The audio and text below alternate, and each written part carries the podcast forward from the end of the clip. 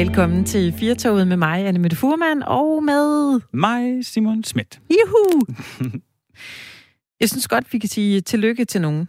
Vi skal selvfølgelig tale om nogle andre ting, men øh, vi kan Lad godt lige starte med at sætte den gode stemning.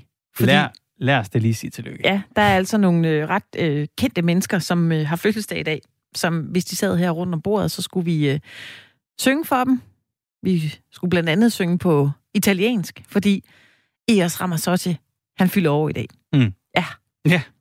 Han er jo en Ja, man kan Jeg noget. han kan noget. Øh, jeg googlede ham lige inden vi skulle øh, sende her i dag.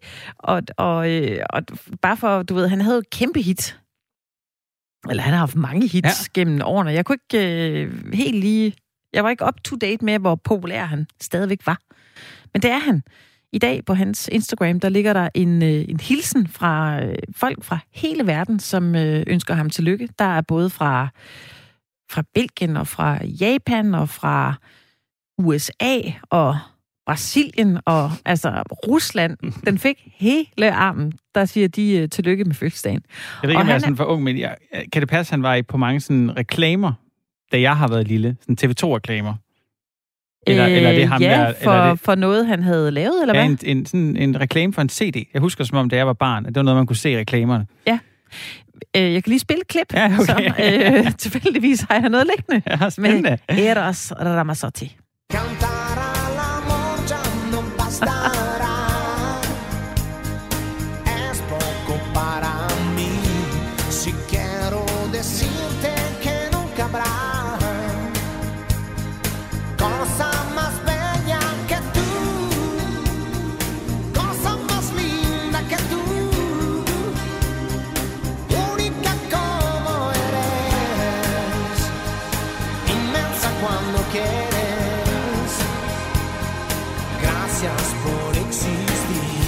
Yes, det var Eros Ramazzotti. Ja.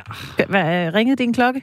Jamen, jeg tror, at, øh, at jeg har set nogle reklamer med ham. Ja. Altså, det- var det ikke en ting, da jeg har været et Jo, lille barn, jo, at på jo. TV2, så Jo, var der jo. simpelthen uh, reklamer? Jo, jo, jo. For- for- for en CD. For en CD. Det var fantastisk. Fantastisk. det, det, det tror jeg ikke, jeg har set på TV2. En reklame for den nye uh, Christoffer CD, eller Medina, eller Nej, Thomas Helmig, for den sags skyld. det var der med, med ham. Han, øh, han, er, han er blevet en ældre mand nu. Han er blevet næsten hvidhåret. Mm. Mm. Og så øh, kan jeg se på hans Instagram-profil, han er utrolig glad for katte og heste. Han er meget øh, glad for dyr. Nå, det er en fin ting. og sin dyre guitar. Ja. Ja. Og så har han også lige lagt en video op af sig Katte selv. hvor og han, heste. Ja, ja, ja. Han har to Stærkt. heste. Men øh, en mere, som øh, er til fødselsdagsbord i dag, det er Julia Roberts, Mm-hmm. skuespillerinde. Hun bliver 53. Hun er stadigvæk hot. Jeg kan rigtig godt lide Julie Roberts. Det kan jeg også. Hun er sej. Ja, det er hun. Mm. Hun spiller godt, og hun holder sig godt. Det lægger man mærke til, når man er en dame over 40. Ja, Hvilke jeg, andre damer holder sig godt? Det gør hun. Og hun ja. ligner ikke en, der er plastret til med Botox i hovedet. Øh, så har Bill Gates fødselsdag i dag. ja. Den gode Bill Gates. Vi ved ikke rigtigt, hvordan det går med ham. Udover at øh, mange øh, konspirationsteoretikere snakker om, det er ham, der har været skyld i, øh, I corona. corona. corona. Ja, Ja, fordi han jo ligesom på sådan en TED-talk for nogle år tilbage nævnte, at i tilfælde, der var en pandemi, så øh, vil hele vores øh, samfund ikke være øh, rustet til ligesom at øh, klare det. nej, Og det, det, det, den er ved at være jo gammel. Den, ret i. det havde han jo helt ret i. Ja. Men der vil jeg så sige til hans forsvar, at jeg, øh, jeg tror, jeg har nævnt det her før i programmet, men, men inden, da corona ligesom var øh, blusset op i december, januar i, øh, i Asien, der skulle jeg i, til februar på en, en opgave i, øh, en arbejdsopgave i, øh, i Sydøstasien. Så derfor læste jeg meget op på corona allerede da, og der fandt jeg mange gamle rapporter. Ja. Hvor det er noget, mange har sagt i lang tid, det her med, at vi er ikke klar til en pandemi i, i hele verden overhovedet. Så jeg tror, altså det, jeg tror umiddelbart ikke, at Bill Gates har startet corona. det er mit Lad os endelig ikke være dem, der så breaker den, i hvert fald her i Firtoget i Aarhus. Nej, der tager jeg ham i forsvar. Jeg, jeg blev mærke i øh, et interview, jeg også så med ham i marts måned, tror jeg, hvor han bliver interviewet omkring øh, vaccinen.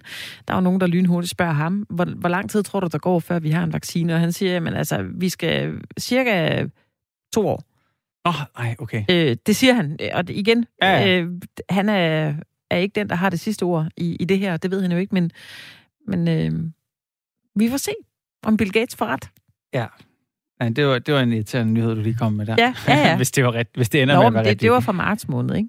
Så siger vi marts øh, 2021, marts 2022. Meget bedre. Det så. tror jeg var... var øh, jeg mener altså nok, at det, han sad og sagde der, var, at at det er der, det begynder at blive øh, normalt igen. Altså, så har vi haft den, og så har vi testet den, og så ved vi, hvad for en af dem, der virker. Vi ved jo ikke en ting om det her, Nej, Simon. vi ved ikke noget. vi ved ikke noget. Tillykke med fødselsdagen til Julia Roberts, Eras Ramazzotti, Bill Gates og vores egen Claus Borger. Kan du huske ham?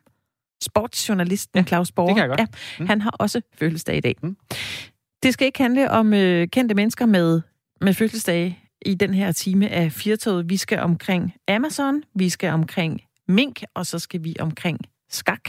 Det er det, der mestendels er på programmet den her time af Firtoget. Og husk, at du må altid skrive ind til os, eller ringe ind til os, hvis der er noget, du øh, vil dele med os noget, du er uenig i, eller øh, noget, du lige har lyst til at kommentere på. Nummeret det er 72 30 44 44. Du kan også sende os en sms. Du skriver R4, og så din besked, og afsted med den til 1424. Velkommen.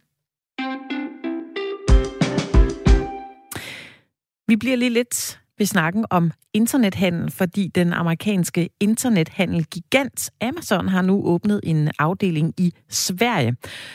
For dem, der ikke lige ved, hvad Amazon er, så er det dem, der leverer varer til kæmpe dele af den vestlige verden. Kort sagt, de er kongerne af internethandlen i USA, Storbritannien og Tyskland. Og det er smart. Varerne er billige, de kommer hurtigt. Og hvis du har Amazon Prime, det er jo også en streaming-tjeneste. Og det er så ikke helt alle, der ser frem til deres entré på det nordiske marked i sådan, øh, hvad skal man sige, ubetinget ekstase. Og øh, derfor, der har vi ringet til dig, Nils Rarlund. Velkommen til programmet. Jo, tak skal du have. Du er administrerende direktør for Foreningen for Dansk Internethandel. Hvad synes du om, at Amazon kommer så tæt på med en butik i Sverige? Jamen, øh, principielt synes jeg, det er okay, at de får åbnet nu, fordi nu har vi gået og talt. Jeg har haft det her job i fem år, og har talt om Amazon de sidste fem år, at nu skulle vi, øh, vi skulle steppe op og være klar, fordi det her var en, et fænomen, som vi ikke har set magen til nogen andre steder. Og nu, øh, nu sker det så endelig. Lad os nu se dyret i øjnene. Nu bliver det så i første omgang Sverige. Vi ved jo ikke, hvornår de kommer til at åbne i Danmark endnu. Så jeg synes, det er, det er rart. Nu har vi, som jeg siger, råbt ulven kommer nogle gange. Så lad nu ulven komme. Mm. Hvorfor er du bekymret? Jamen det er jeg, fordi at Amazon er en størrelse af virksomhed øh, med en, en øh, altså en, en kapacitet, en, øh, et kapitalberedskab, en, øh, en, øh, en hvad hedder det, øhm, måde at agere på, øh, som vi simpelthen ikke har set før øh, i historien. Øh, det er en, en, en, en frygtelig modstander på, på mange måder, og derfor øh, kan det gå hen og, og skabe noget ravage på markerne, når først øh, Amazon kommer ind. Mm. Men er du ikke også lidt optimistisk omkring det? Jo, jo, altså, øh, jeg er ikke så nervøs for det danske marked, som jeg har været, fordi, at, at som sagt, har jeg råbt op i mange år og sagt, at man skulle virkelig komme op i gear, hvis man skulle have en chance for at være med her, når Amazon kommer. Og det synes jeg, at mange danske netbutikker og detaljbutikker med nethandel er kommet, heldigvis. Vi ser jo langt hurtigere leveringstider, langt bedre kundeservice, returordninger osv. Så, så jeg er ikke lige så bekymret. Jeg tror ikke, at de Europa de samme markedsandele, som vi har set i USA og i Tyskland og andre steder i verden. Mm. Men alligevel. Ja, men der er jo et stykke vej fra, fra Amazon i Sverige til, til Amazon øh, i Danmark, er der ikke? Hvad siger du? Jeg siger, der er et stykke vej fra Amazon i Sverige til Amazon i, i Danmark. Ah, det er der ikke. Altså, nu, nu er det snublende tæt på. Ja, og du får mig ikke til at sige, hvornår de kommer til Danmark, men jeg plejer at sige, at de har en formiddag til overs. Øh, fordi, fordi vi er jo et lille, vi er et lille land, og, og jeg mener, vi er jo ikke, vi er ikke flere indbyggere end i Hamburg. Øh, men, men det er klart, at, at, at, at de nordiske lande er et attraktivt land også for Amazon, fordi vi er øh, med fremme, helt, helt fremme omkring internethandel, og vi er en befolkning, jo, der er jo øh, fuldstændig modnet omkring, øh, omkring internethandel. Mm. Så, så på den måde vil de, vil de det gerne, men det er jo ikke et kæmpe marked for dem. Skrækeksemplet, det er jo, hvordan øh, Amazon har kvalt al konkurrence i for eksempel USA. Hvordan kan man undgå, at det sker i, i Danmark, hvis, øh, hvis det kommer dertil? Ja, men det kommer det ikke til, tror jeg, fordi man skal tænke på, at da de startede i juli måned 1994, der var de jo totalt pionerer øh, på internethandlen på det tidspunkt. Der var ingen, der anede, hvad det var. Og man grinede jo meget af Jeff Bezos, når han kom i hans store Doc Martens-støvler og, og drømte om at sælge bøger på et eller andet net, man ikke vidste, hvad var. Men det fik, øh, fik han jo hurtigt det smil til at forstå dem, men, men gjorde jo så også det, at han fik sat sig på, på markedet, ikke bare jo for bøger, men meget hurtigt på mange andre varegrupper. Mm. Og i dag dækker de jo alt, og, og, og der, hvor de for alvor så det er jo også på dagligvareområdet, øh, ikke? Jo. Men det, jeg frygter mest, øh, men det ved jeg kommer. Nu er det ikke lige startet i Sverige, men det var det, du selv nævnte i dit oplæg. Det er Prime-medlemskabet. Øh, og et Prime-medlemskab kan vi bare tage i Tyskland. Der koster det 525 kroner om året. Og så har du så gratis fragt hele året for de penge. Og det er, at du har garanteret levering inden for 24 timer i hele Tyskland i de 20 største byer på samme, samme dags levering, og i Berlin og München har du to timers levering garanteret. Øh, og udover det har du så deres øh, øh, gratis tilgang til deres Prime streamingtjeneste på film. Du har hele deres musiktjeneste. Du har gratis læring af, af, af dine fotos i skyen. Du har gratis Kindle-produkter osv. osv. I USA er der en lang række flere af, af tilbud, du får med. Og når mm. først du er inde i den gænge, at du er en del af Prime-konceptet, så er det meget svært for familien ikke bare at trykke på knappen. Og det er det, man gør i USA og i Tyskland og så videre, hvor de har markedsandel på omkring 50 procent. Man taler jo ikke længere om, at man køber hos Amazon, man bestiller bare, man tjekker simpelthen ikke, hvad det koster eller noget. Man, tjekker bare, man, man trykker bare, og så kommer Amazon i en lille strøm og leverer varer til døren. Ja, de har jo et ret stærkt brand, øh, Niels Rallund. Du er administrerende direktør for Foreningen for Dansk Internethandel, men hvad, hvis vi lige spoler tiden tilbage, da Amazon startede, hvad, hvor, hvor er det, de har været så, øh, så gode? Som Jamen, det har gjort, at de jo er vokset sig så store, som, Jamen, som de er i dag? Jamen, når man spørger Jeff Bezos, øh, også i dag, uh, Jeff, hvor, hvor er man, og hvor er I om 10 år? Så siger han, det koncentrerer vi os ikke om. Vi koncentrerer os om tre ting, og det er, forbrugerne de vil have et bredere udvalg af varer, de vil have bedre priser, og de vil have hurtigere levering. Og det er det, vi koncentrerer os 100% om. Hvor svært skal det være? Og det er jo det, de har gjort til perfektion. I Amazon, der er kunden absolut i centrum. Når man holder møde rundt omkring i verden på Amazon-kontor, så er der en tom stol altid, fordi den symboliserer kunden. Det er jo på den måde, at de i den grad har fået øh, herredømmet over det her. Ikke? Og så er det, jeg plejer at sige, når man er så kundecentreret og gør så meget, så har det altså også en bagside. Fordi bagsiden, det er jo så de folk, der arbejder for Amazon på lagerne. Det er jo de chauffører, der kører øh, varerne ud til, til, til kunderne. Fordi det er et, øh, en helt ny, øh, kan man sige, armod, de har fået skabt blandt mange af de her medarbejdere. Ikke? Mm. Så, så når kunderne sidder og smiler, og de kan få, få varer på et hvert tid af døgnet, øh, så er der altså også bare en bagside ved medaljen, fordi det er klart, det har jo en pris at, at køre sådan en service. Mm. Tak fordi du var med her i øh, programmet, Niels Rallon, administrerende direktør for Foreningen for Dansk Internethallen. Velbekomme. Der er kommet en del sms'er på øh, skak. Ja. Simon, det er et øh, ord, vi har nævnt adskillige gange i, øh, i programmet her. Det virker som om, vi har vores øh, firtogslyttere, som er, er glade for at spille skak. Det er en kæmpe fejl, vi ikke har skakhistorie før. kan jeg. Ja, det kommer vi til at lave meget mere af. Hold fast, mand. Der er mange. Øh, der er en, der skriver her, skak er et dejligt spil. Et lille opgavesæt, otte dronninger, så ingen kan tage hinanden. Hvad, hvad betyder det? Det er ikke. Nej. Det er åbenbart måske noget, noget andet jeg slags skak. Ja. jeg forstår det i hvert fald ikke. Luna har skrevet en sms fra hun er fra Nørrebro, skriver god eftermiddag til alle. Jeg kan lide skak, og jeg kan lide sudoku. Mit største problem er min tålmodighed. Den sætter grænsen for mit skakspil. Jeg har altid spillet. Jeg lærte det af min, øh, min far.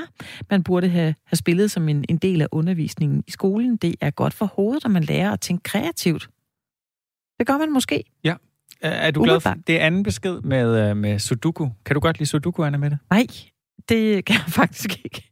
Jeg elsker at løse sudoku, i, øh, når jeg flyver på lange ture. Er det rigtigt? Ja, det er fantastisk tidsrøver. Også fordi jeg virkelig ikke bryder mig om at flyve. Så det er rigtig rart bare at sidde og løse sudoku så. Inde i min egen lille sudoku-verden. Men kan du godt koncentrere dig om det, når du er lidt ja, angst fokus, for at flyve? Så fokuserer jeg på det. Ja. Jeg, jeg har faktisk ikke så meget angst for øh, at flyve. Det er ikke så meget Nå. med, at øh, det er mere, jeg kan ikke så godt lide øh, og øh, tank... Åh, oh, det er jeg faktisk så tank for at flyve. Jeg, jeg kan ikke så godt lide øh, tanken om at sidde på midten, altså midten af Atlanterhavet, og der er så langt til land. Så bliver jeg klaustrofobisk. Altså sådan, ja, ja det, det bryder mig ikke om. Nej. Det er ikke lige mig. Det er ikke lige mig. Ja. det, det kan godt følge dig i. Ja. Men der kan det være, at øh, måske kan det være, at du kan træne din, din hjerne lidt. I hvert fald så lyder en overskrift i dag på DR.dk. Din hjerne topper, når du er midt i 30'erne. Og en, øh, det er, øh, fordi der er lavet en stor undersøgelse af skakgenier, øh, hvor man påviser, at hjernen topper i øh, 30'erne. Og øh, grunden til, at den gør det, det er, at, at skak stiller ret store krav til især hjernens erfaring. Øh, så øh, det kan vi jo lige huske lidt på, når vi sådan er færdige med at lægge øh, alle de her puslespil, vi fik købt under, under lockdown, under coronaen, så kan vi godt bruge efteråret på at, at spille skak. Lige nu har vi vores øh, næste gæst med her i øh, programmet. Det er dig, Kasper Jørgensen. Ja, tak. Du er neuropsykologisk fagkonsulent på National Videnscenter for Demens sådan en som mig på, på 46 år, kan jeg godt droppe at få min hjerne gjort bedre fungerende? Nej, det, det vil jeg ikke sige. Altså, det, det de fandt, det var, at øh, det her med skakspil, det kan godt være, det topper omkring, når man er midt i 30'erne, men øh, det er ikke sådan, at det går særlig meget ned igen, når inden for de næste 20-30 år. Det, det bliver næsten på samme niveau.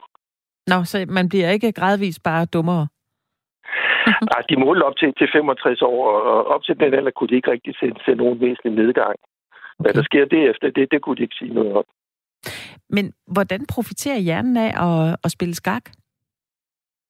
Om det skak er jo et, et, et ret udfordrende spil. Øh, det kræver overblik, det kræver problemløsning, det kræver mental hurtighed, det kræver koncentration, strategisk dansk, øh, analytisk sans. Der er en hel masse ting, man skal kunne for at være god til skak. Men hvad er det ved skak, som gør så, altså, at hjernerne udvikler sig sundt og velfungerende? Det er jeg som heller ikke sikker på, at, øh, at, at, at det er skakkens skyld, at man, man får en god hjerne. Det, det, det er nok i virkeligheden omvendt, at, at det er dem med de gode hjerner, der bliver gode til at spille skak. Det kan godt være, at, at skakken så holder det ved lige, men jeg tror ikke, at det som sådan booster deres hjernekapacitet. Mm. Men hvad, hvad skal man gøre for at holde hjernen ved lige på, på bedst mulig vis? Jamen, der skal man udfordre sig selv mentalt, øh, blandt andet ved at spille skak eller bridge eller et eller andet, øh, som også har det. Men selvfølgelig noget, der interesserer en, ellers kan det være lige meget. Så skal man også sørge for at holde sin, sin krop sund, altså tænke på, på ens hjertekar tilstand, altså noget med at dyrke motion og ikke blive for tyk, eller være med at ryge, eller være med at drikke for meget, og sådan nogle ting. Så det, det er sådan set den, den gamle historie der med en, en sund sjæl i et sundt læge, det, det holder hjernen sund også. Ja. Nu er du øh, neuropsykologisk fagkonsulent på, på Videnscenter for Demens. Altså, hvor meget ved man om, om hjernen sådan øh, dags dato? Altså, man ved meget, man bliver hele tiden klogere, men det er også rigtig meget, man ikke ved. Altså, grundlæggende så forstår man jo ikke helt, hvordan den virker, hvordan den, den er i stand til at kunne det, den kan. Så det, det ved jeg ikke, om man nogensinde finder ud af. Men ja. vi, vi ved en masse om, hvordan man, man forebygger demens, og hvordan man ligesom kan, kan fastholde sine mentale evner op i alderen. Mm. Hvis nu ikke man kan, kan lide at spille, spille skak, er der så nogle øh, alternativer, man kan give sig i, i kast med for at holde hjernen frisk og, og velfungerende? Udover det, du lige har nævnt med den, den fysiske... Altså, man skal ikke drikke for meget, man skal ikke ryge, man skal holde sig øh, intakt med motion og sådan nogle ting. Er der nogle andre ting, der, der, der er gode for hjernen at, at gøre? Ja, det tror jeg, der er. Jeg, jeg tror, der er masser af, fritidsaktiviteter, som, som kan være vældig gode for hjernen. Det kan være brætspil, det kan være kortspil, det kan være at spille musikinstrument, lære et, et nyt sprog for eksempel. I virkeligheden tror jeg ikke, det er særlig afgørende, hvad man kan tage over, men det skal være noget, som man synes er spændende. For ellers så bliver det pokker svært at bevare motivationen til det. Men hvis man finder noget, man synes er sjovt at lave, som samtidig er nyt og afvekslende og udfordrende, så, så tror jeg, det har en gavnlig effekt. Mm. I den her øh, undersøgelse, som, øh, som man kunne læse om på, på DR.dk i dag, der øh, henviser de til, at, at de her skakgenier, de har undervist, de er enormt gode til at... Øh, altså, når man spiller skak, så, så stiller det store krav til hjernens erfaring. Kan du yeah. prøve at, at forklare det? Ja, altså hvis man skal være en god skakspiller, så kræver det formentlig to forskellige ting. Dels skal man have en, en, en god hjerne til at starte med, altså have en god godt overblik, en god koncentration til en god analytisk sans og sådan nogle ting, som man måske mere eller mindre er født med.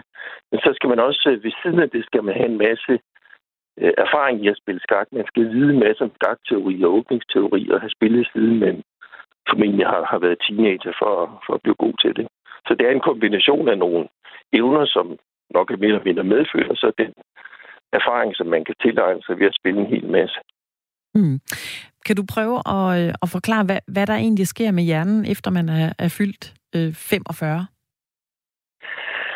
Mm, altså man kan se, at noget som, som vores øh, hurtighed, vores, det vi kalder mentalt forarbejdningstempo, jamen det, det går ned og bakker allerede fra man er omkring de 20 år, så, så bliver man faktisk gradvist langsommere og langsommere i hovedet. Og hvad det skyldes, det er svært at sige, men det er nok noget med, at, at øh, vores hjerneceller har, der sker hele tiden skader på dem, jo, og det sker nok i hurtigere og hurtigere, jo ældre man bliver. Og så længe man er ung, det vil sige 30'erne, 40'erne, 50'erne, så kan kroppen reparere på de skader, der løbende. Efterhånden, som man så bliver ældre, så bliver man nok dårligere og dårligere til at reparere på sin hjerneceller. Altså, så, så, så får man mere blivende skader. Det, det er muligvis det, der sker. Så det er ikke vores egen skyld. Det er ikke sådan, at hvis vi nu løste Sudoku i 10 timer om, øh, om dagen efter vi fyldt 45, så kunne vi virkelig få en, øh, en frisk og ung hjerne. Nej, sådan, sådan er det nok ikke. Altså, man, man kan nok i en vis grad opbygge nogle, nogle kompensationsstrategier. Altså, så man bliver bedre til at bruge en kalender systematisk og, og sådan nogle ting. Men, men man kan ikke som sådan modvirke det, det fysiske forfald, der sker i hjernen. Altså udover det, at man, man kan have en sund livsstil, altså passe på sin hjerne med at spise sundt og motionere osv. Mm. Tusind tak til dig, Kasper Jørgensen, neuropsykologisk fagkonsulent på øh, Videnscenter for Demens. en fortsat god dag. Jo, tak i lige måde. Nå, det var øh, på en eller anden måde meget rart, at øh, vi kan ikke selv gøre for det. Nej. Man skal selvfølgelig ikke øh, drikke for meget og ryge for meget. Man skal sørge for at motionere og holde sig øh, godt i gang. Men man behøver ikke at sidde og spille skak i timevis. Det var meget rart, ikke? Nej. Siger jeg. Ledende spørgsmål. ja. Jeg vil da gerne spille mere skak. Det var da fint, hvis jeg kunne få en incitament til ligesom at spille mere. Det kan jeg selvfølgelig bare tage mig sammen. Ja, ja. ja det er et, øh, et godt spil, og stadig der er også øh, fri bar på sms'en, hvis du ja. har lyst til at byde ind på den. R4 skal du skrive, og så sender du den afsted til 1424, og vores øh, telefonnummer, det er da som sædvanligt åben for øh, dig, der lytter med her i programmet. Nummeret det er 72 30 44 44. Du er altid velkommen til at, at ringe ind til os. Nu skal det ikke øh, handle om hjerner, nu skal det handle om, øh, om de her små størrelser.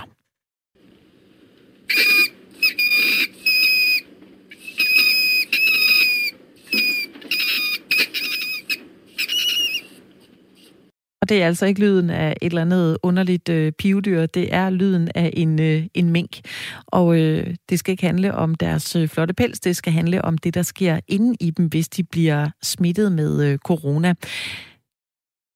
Det er lyden af mink, og de her små pelsdyr, det er gået fra at være en af Danmarks øh, største eksportbrancher brancher med øh, 12-13 millioner produceret minkskin årligt til at være et øh, corona-hotspot under aflivning. I dagens information, der kan man... Øh, ja, der kan man se, at, at, øh, eller man kan læse, at myndighederne længe har vidst, at coronavirus er muteret i mink, og det får øh, professor i klinisk biologi ved Syddansk Universitet, Hans Jørgen Kolmos, til at sige i artiklen, at det er som om, man ikke rigtig har forstået, at smitsomme sygdomme breder sig med et tempo, de selv bestemmer. Smitten ligger ikke stille, mens vi diskuterer, hvad vi skal gøre med den. Tidligere i dag, der øh, talte øh, vores vært her på øh, Firtoget, Svende Lund Jensen, med journalist ved Dagbladet Information, Sebastian Abrahamsen, der har været med til at skrive den her artikel, og han spurgte ham, hvad det er for en historie, de kan fortælle i avisen øh, i dag. Det er jo historien om, at øh, dels øh, Statens Serum Institut og Fødevarestyrelsen allerede i begyndelsen af september er opmærksom på, at der begynder at udvikle sig nogle særlige mutationer i coronavirus i mink. Der opstår sådan nogle minkvariationer af sygdommen. Øh, og det bekymrende ved, ved de variationer er, at de muterer omkring et særligt protein, som er det protein, man forsøger at bekæmpe med de vacciner, der er under udvikling. Øh, og det skriver Statens Serum Institut allerede til Fødevarestyrelsen 4. september. Så der er man opmærksom på, at der måske kan være nogle udfordringer i forhold til en fremtidig vaccine.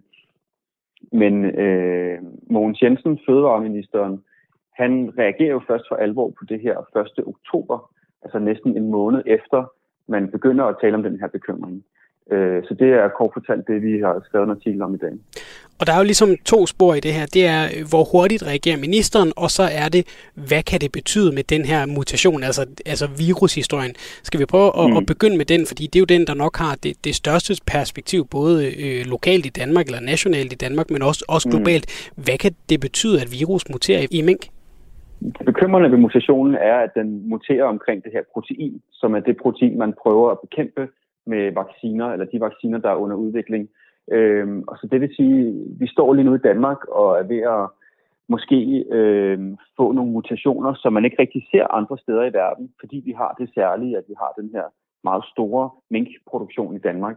Og øh, hvis først vi får øh, udviklet nogle mutationer i Danmark, som man ikke kan vaccineres imod, så kan hele verden lige pludselig stå med et, et meget større problem, som er, at øh, coronavirus så ikke kan bekæmpes med de vacciner, som vi er i gang med at udvikle. Øh, så perspektiverne i det er jo ret store, øh, hvis det bliver sådan, at man ikke kan bekæmpe de her øh, mutationer med en vaccine, og hvis man for eksempel kan blive smittet igen, efter man har haft coronavirus en gang, hvis man så kan blive smittet med en ny minkvariant af sygdommen, så, øh, så kan man jo ikke opnå den her flokimmunitet, som man ellers vil opnå, når en vis mængde af befolkningen var vaccineret eller havde haft sygdommen. Så det store perspektiv i det er, at øh, de her mutationer, hvis ikke man får styr på dem, kan løbe løbsk og øh, kan blive et problem for hele verden sådan set. Fordi det, der er tegn på, at de er mindre modtagelige over for vacciner, og at man ikke kan opnå flokimmunitet. Og så er der den anden del, og det er der, at det måske for den almindelige øh, øh, lytter kan blive måske lidt kedeligt. Hvem vidste hvad, hvornår, hvornår sagde de noget? I har søgt nogle agtindsigter. Hvad er det, I har fundet ud af? Det, vi har fået agtindsigt i, det er de risikovurderinger, som Statens Serum Institut sender løbende til Fødevarestyrelsen. Og øh, i dem, der kan man se, at øh, i løbet af september bliver Statens Serum Institut mere og mere bekymret for de her mutationer, som sker i minkene. Og de skriver flere gange til Fødevarestyrelsen, at øh, det kan altså vise sig at blive et problem, det her. Og så 18. september, øh, der, der sker det det virkelig ud i pap over for Fødevarestyrelsen og skriver, det her er et problem i forhold til en fremtidig vaccine. Det kan være, at fremtidige vacciner slet ikke virker med de her, mod de her mutationer. Og det kan også være, at øh, folk, der har været smittet med coronavirus en gang, de sådan set kan få det igen, fordi der kommer nye varianter, som man ikke bliver immun overfor. Øhm, og det får Fødevarestyrelsen at vide flere gange i løbet af september, men Fødevareminister Mogens Jensen bliver først orienteret om det 23. september, ifølge hvad vi har fået at vide. Så der går altså nogle uger, hvor man er bekymret, før ministeren officielt bliver orienteret i et notat. Og så er det så først den 1. oktober, at han reagerer ved at gå ud og sige, nu skal vi aflive alle de smittede mink igen, og ikke nok med det, vi skal også aflive alle de mink, der er inden for en radius af 7,8 km øh, af de smittede minkfarme. Øh, og det gør han på baggrund af endnu et notat, han så har modtaget der omkring den 1. oktober, hvor der nu står meget klart, at det altså er et sundhedsmæssigt problem med de her mutationer her. Og hvad har I fået af, af reaktioner på, øh, på, på dagens historie? Hvad har I fået, øh, fået indhentet fra, øh, fra politikere og, og, og fagpersoner? Altså, øh, regeringens støttepartier øh, udtrykker også stor bekymring for den her udvikling her, og de føler sig også dårligt informeret øh, gennem hele forløbet. Der er jo nogle af overførende, der har forsøgt at øh, få spørgsmålet om de her mink på dagsordenen på nogle møder, de har holdt. Det er ikke rigtig lykkedes før 1. oktober, hvor ministeren jo så går ud helt og ændrer strategien, øh, uden at orientere ordførende om det på forhånd. Øh, så ordførende er dels bekymrede over selvfølgelig udviklingen med de her mutationer, og de er også utilfredse med ikke at være blevet orienteret løbende undervejs. Altså, de har ikke fået noget at vide om de her mutationer før 9. oktober, som jo er over en uge efter ministeren sådan set går ud og ændrer strategien. Øhm, og når man taler med folk, der har forstand på mikrobiologi og, øh, og epidemier osv., så, så siger de jo, at det vigtige i forbindelse med sådan en epidemi her, det er altså at få lagt låg på hurtigst muligt, få slået ned, når der opstår altså en ny mutation for eksempel. Og der kan man jo bare se, at byråkratiet arbejder langsommere, end sådan en virus gør. Altså virusen den arbejder i sit eget tempo og spreder sig, som den har lyst. Men der er jo et byråkrati, der skal tale frem og tilbage om, oh, hvad gør vi nu ved den her nye oplysning, og hvornår skal ministeren så orienteres? Så skal man sende et notat frem og tilbage mellem forskellige kontorer, og det skal underskrives osv. Og mens man gør alle de her ting, der udvikler virusen sig jo bare videre og muterer yderligere. Øhm, så der kan man ligesom se, hvor svært det er med at gøre de her mutationer i øh, et offentligt øh, embedsapparat, som jo øh, som går sin tre gang. Og øh, både SF og øh, Venstre har øh, indkaldt øh, Fødevareminister Mogens Jensen til, øh, til samråd omkring øh, corona og, og mink. Og SF de øh, har jo øh, flere gange i løbet af det her forløb, siden øh, vi fandt corona i mink i, i sommer, øh, talt for at få afviklet øh, minkbranchen i, i Danmark. Venstre de vil gerne tale om, at øh, de synes ikke, at øh, den nuværende strategi øh, øh, er, tager nok hensyn til minkbranchen. Altså det sætter simpelthen øh, branchens overlevelse på spil, skriver I. Hvad er det for nogle politiske linjer, der er trukket op lige nu? Det har jo virkelig udviklet sig til, øh, til et dramatisk politisk spil om, om minkavlernes fremtid i Danmark. Altså øh, både Enhedslisten og SF bruger det her som løftestang til en mere øh, generel diskussion om, hvorvidt man overhovedet skal have øh, pelsavl i Danmark. Øh, de vil have det afskaffet, SF og Enhedslisten dels på grund af dyrevelfærd, men nu altså også på grund af den her trussel, der er fra mutationerne i mink, og bare den smitterisiko, der i det hele taget er fra minkfarmene til det omgivende samfund. Øh, og så har vi Venstre og resten af den borgerlige blok på den anden side, som jo øh, dels ønsker at bevare øh, minkerhvervet i Danmark, og som dels er bekymret for, om regeringen som han er ved at smadre fremtiden for minkavlerne i Danmark ved den meget restriktive aflivningsstrategi, som man nu har lagt Øh, så, og der står regeringen jo lidt klemt som en lus mellem to negle i forhold til, hvordan de skal håndtere det her. Øh, indtil videre går de i hvert fald ikke ind for at afskaffe minkavl i Danmark. Så det er der ikke flertal for lige nu. Men det er jo en diskussion, der kommer til at fortsætte formentlig, øh, især i takt med, at flere og flere minkfarme bliver smittet. Og nu er vi oppe på over 150 ifølge de seneste tal, jeg har set. Og Sebastian, du har fulgt den her historie siden, øh, siden sommer, hvor, øh, hvor øh, corona begyndte at sprede sig mellem mink, og det er jo en historie, der har udviklet sig øh, fra, at, at vi havde nogle, øh, nogle øh, beboere på et plejehjem, der døde, fordi de havde fået øh, corona via øh, dem, der arbejdede på minkfarmen, og så samtidig arbejdede på, på plejehjemmet. Øh, så, så der var det bekymrende. Så, så kom der nogle restriktioner, og det her med, at mink skulle slås ned, selvom de var raske, hvis de lå inden for 7,8 km, og, og vi har set nogle meget sure øh, minkavlere, der simpelthen blokerede vejen for, for politiet mm. osv., øh, til at vi nu igen står og kigger på en ny situation med, at virus muterer i, i mink. Kan du prøve lige at sætte nogle ord på den udvikling, den her historie har taget forholdsvis øh, hurtigt de seneste måneder? Ja, det er nemlig gået rigtig hurtigt. Da jeg begyndte at interessere mig for det, der, øh, der var der tale om 10, 15, 20 minkfarme, som var blevet smittet øh, tilbage i september.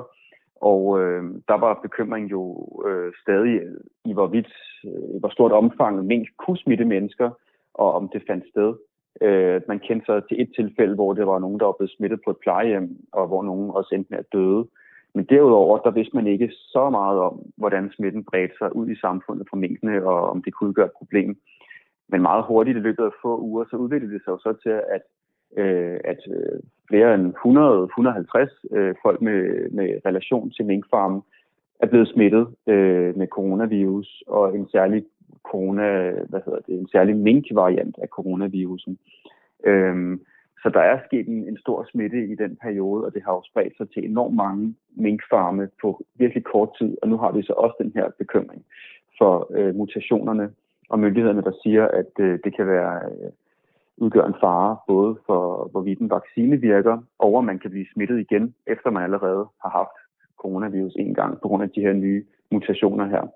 Så det er gået fra at være en bekymring, man havde over, hvad, hvad kunne der må nu ske i de her minkbesætninger.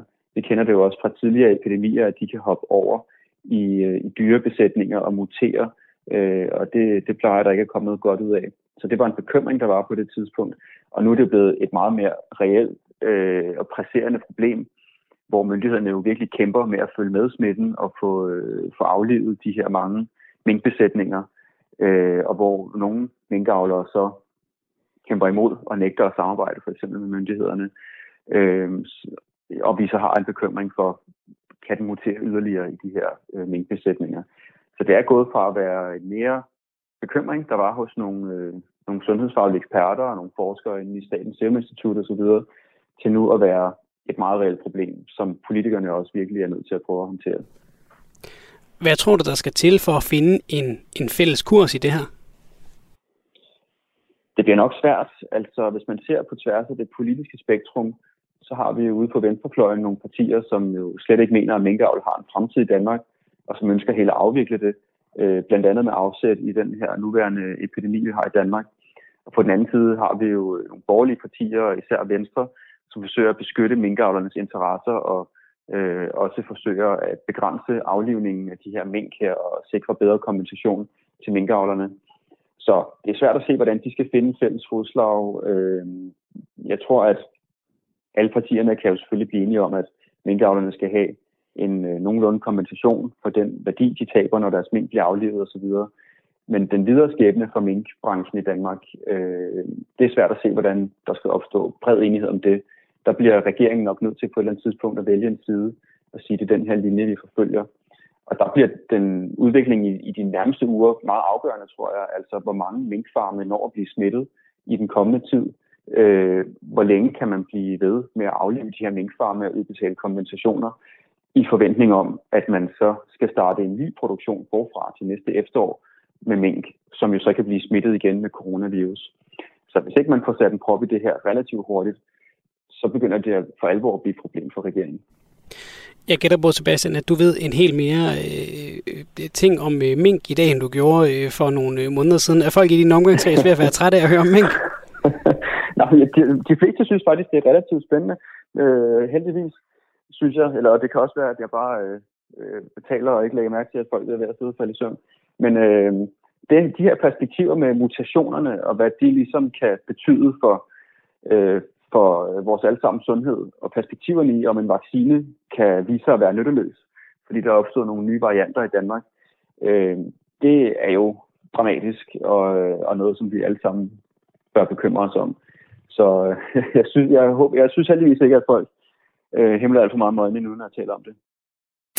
I et øh, indlæg på netavisen Piu Piu har Socialdemokratiets fødevare- og dyrevelfærdsordfører Anders Kronborg givet svar på tiltale til støttepartierne og skriver, at det er uklædeligt, når SF og Enhedslisten bruger en sundhedskrise til at, at promovere en gammel mærkesag om at lukke minkproduktion helt ned i øh, Danmark. Han skriver også, at det kun er mink og ikke hele erhvervet, der skal aflives. Det er øh, under alle omstændigheder en øh, historie, der hverken politisk eller, eller sundhedsmæssigt er debatteret færdigt. Du har fundet noget godt, Simon. Det ved jeg. Det har jeg nemlig. Det kan ja. jeg se på dig. er der nogen, vi skal hylde, inden vi spiller, spiller Eros Ramazzotti, som har fødselsdag i dag? Altså en, som der er rigtig god, god grund til at hylde, skal vi ja. også lige øh, vende lidt negativ historie om. Altså vores allesammens corona-general, øh, The Man of the Hour, Superman, Søren Brostrøm. Nej. Altså, han har jo i dag fået en nyt job. Han har vel ikke fejlet? Det er den gode ting. Vi kan ja. starte med det gode. Han tiltræder som WHO's globale, eller han tiltræder i WHO's globale bestyrelse. Ja. Og det er rigtig flot. Det skriver Magnus Heunicke øh, i en pressemeddelelse. Men han, han bliver trods alt i sit, sit nuværende job, så vi kommer stadigvæk til at se Søren Brostrøm til forskellige fremtidige pressemøder. Ja. Men, Anna Mette. Hvad så? Det viser Jeg kan sig. ikke forestille mig ham fejle overhovedet. Der ligger en video Au. på BT. Nej. Hvor Søren Brostrøm er nede at træne, og det er godt at holde sig i form. Ja. Men hvad skal man gøre, når man træner, Anna med det? Hold afstand. Sprit af. Den sidste. Man skal spritte af. Og det glemmer han at gøre. Nej! Nej, af alle personer. Søren. Det er da ikke rigtigt. Søren for den der. Hvordan kan han glemme det? Det kan jeg næsten ikke tro. Nej, Men der er, er en video så ja, af ham. Den er cirka en måned gammel, øh, og den er blevet... Øh, de har forbeholdt, øh, eller forholdt som Brostrøm kritikken, øh, og der udtaler han, at han godt kan huske hændelsen, og hun har selvfølgelig ret i, at jeg skal spritte af, og jeg er normalt omhyggelig med det, men jeg er kun et menneske. Og det har Søren Brostrøm så sagt til, til BT.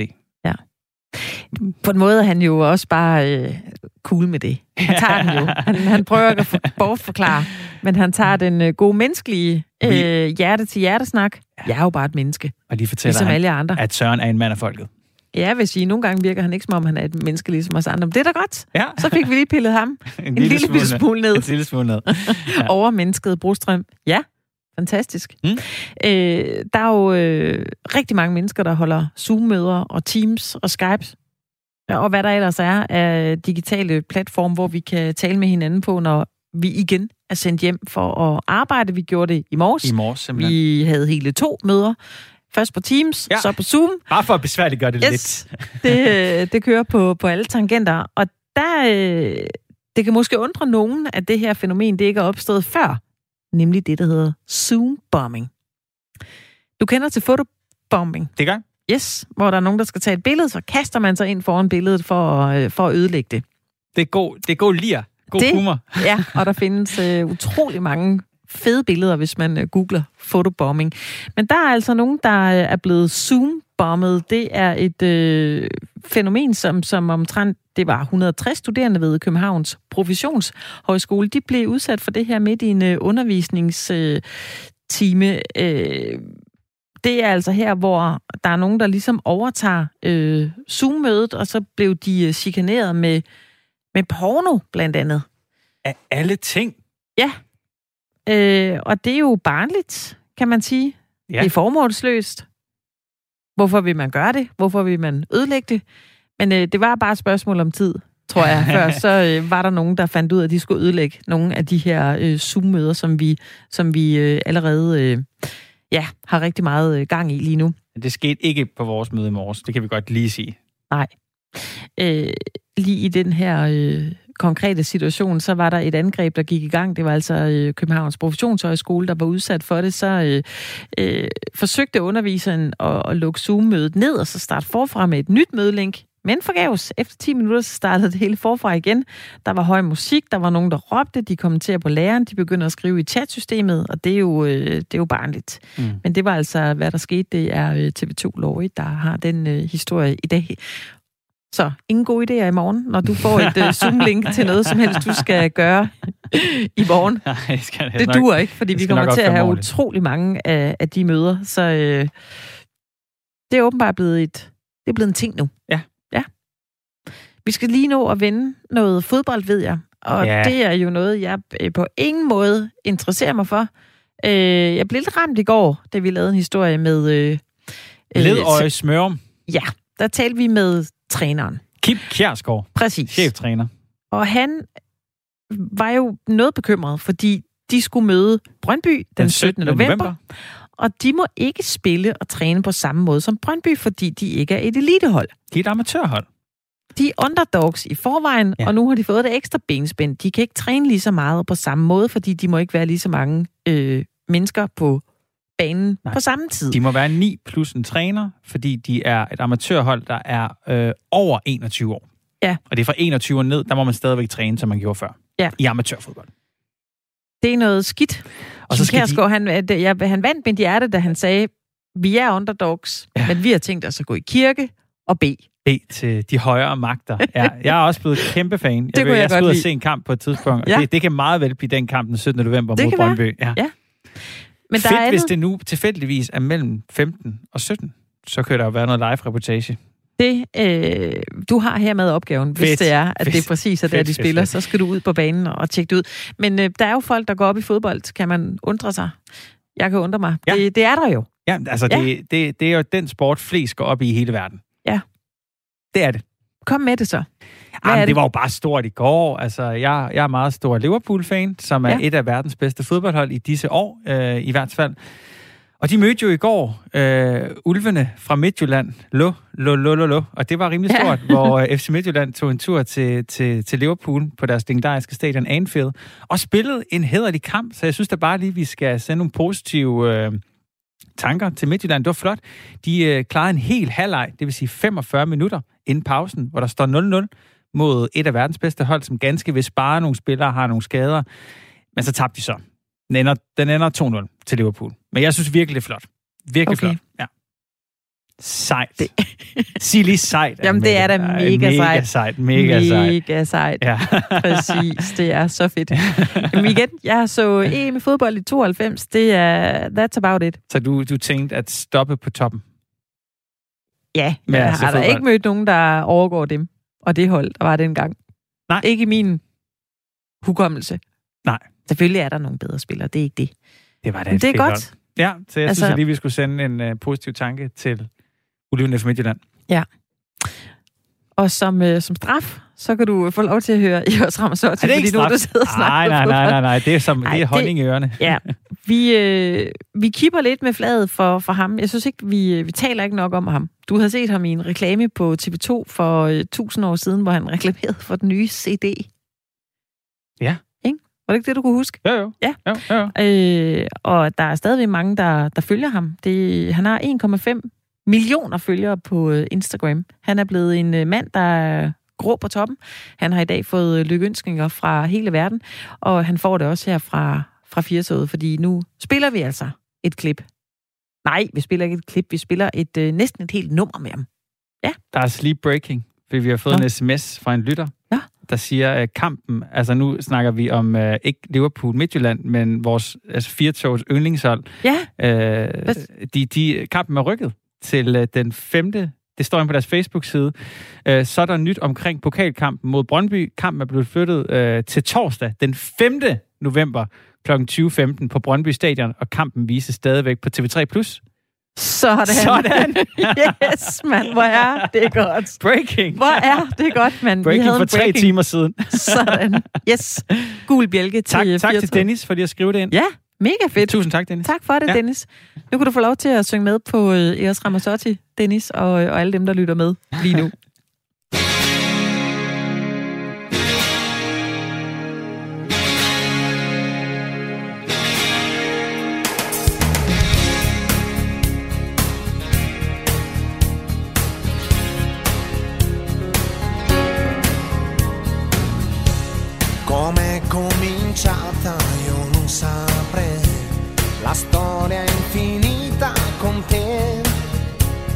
Sei diventata la mia re, di tutta una vita per me. Ci vuole passione con te. E un briciolo di pazzia, ci vuole pensiero perciò lavoro di fantasia. Ricordi la subito brivido sì. Ti dico una cosa se non la sai per me vale ancora così. Ci vuole passione con te. Non deve mancare mai. Ci vuole mestiere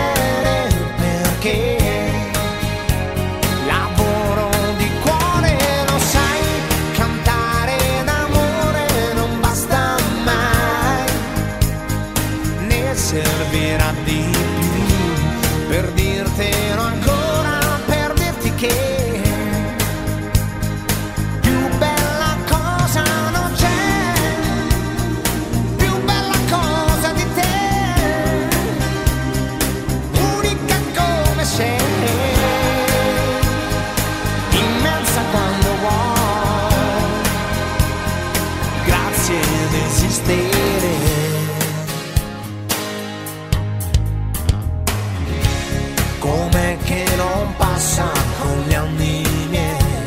La voglia infinita di te. Cos'è quel mistero che ancora sei che porto qui dentro di me? Saranno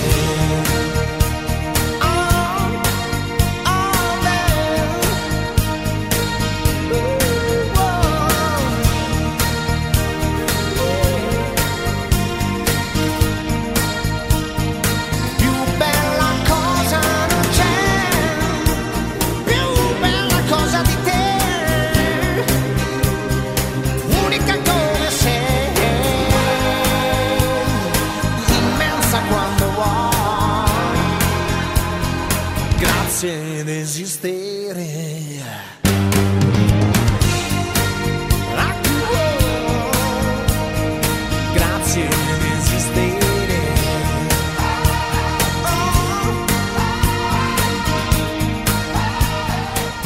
Det var simpelthen Eros Ramazzotti, Pio Bella Costa.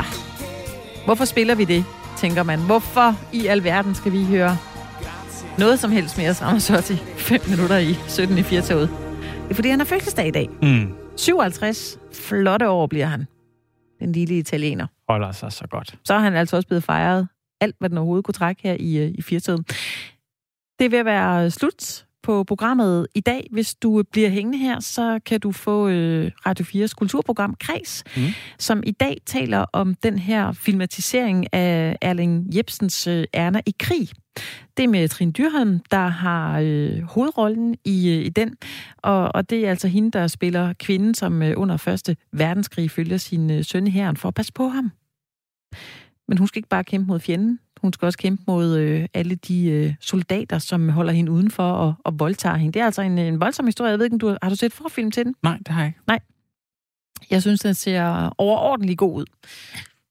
Og Trine Dyrholm, hun er vel altid øh, træfsikker for en, øh, en god oplevelse. Det synes jeg, hun, er, me, hun ser mega sej ud i den her film. Ja? Ja. Det er en anbefaling, Simon. Jamen, jeg skal det. Så skal så okay. Så okay. Så det skal du. Den. Ja, jamen, jeg tager ja. den til den. Ja, ja. ja. Du kan høre meget mere om, øh, om den og en masse andre dejlige øh, kulturhistorier. Hvis du bliver hængende her, så er der nemlig øh, kreds. Og vi har jo egentlig bare tilbage at sige øh, tak for øh, programmet i dag. Tusind ja. tak for alle dem, der sendte sms'er ind til os. Der kom godt nok øh, meget forskelligt i dag. Det må man sige. Ja, meget på skak, meget på øh, kønsneutrale CPR-numre. Det er ikke, fordi vi øh, vælger at tale mere om, øh, om det øh, i morgen. Der har vi nogle nye historier på banen. Der skal vi tale om øh, kærlighed. Ja.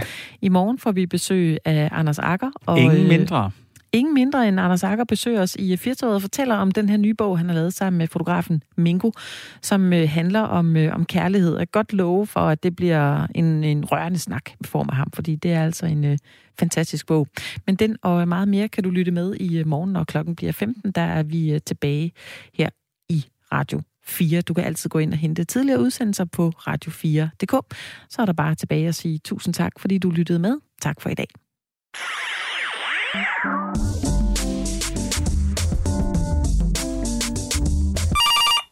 Radio 4 Lytterservice, du taler med Esben. Skov Eber 1355. Ja. Uh, ja, Steffen, nu har ringer jeg. Det er nok det er en svær uh, ting for mig, når jeg har, jeg ringer ind nu. Er det noget sådan? Jeg har fandme nemme kommet til at jogge i spinaten, Steffen. No. Ikke også? Og jeg vil inden det går galt, og det bliver...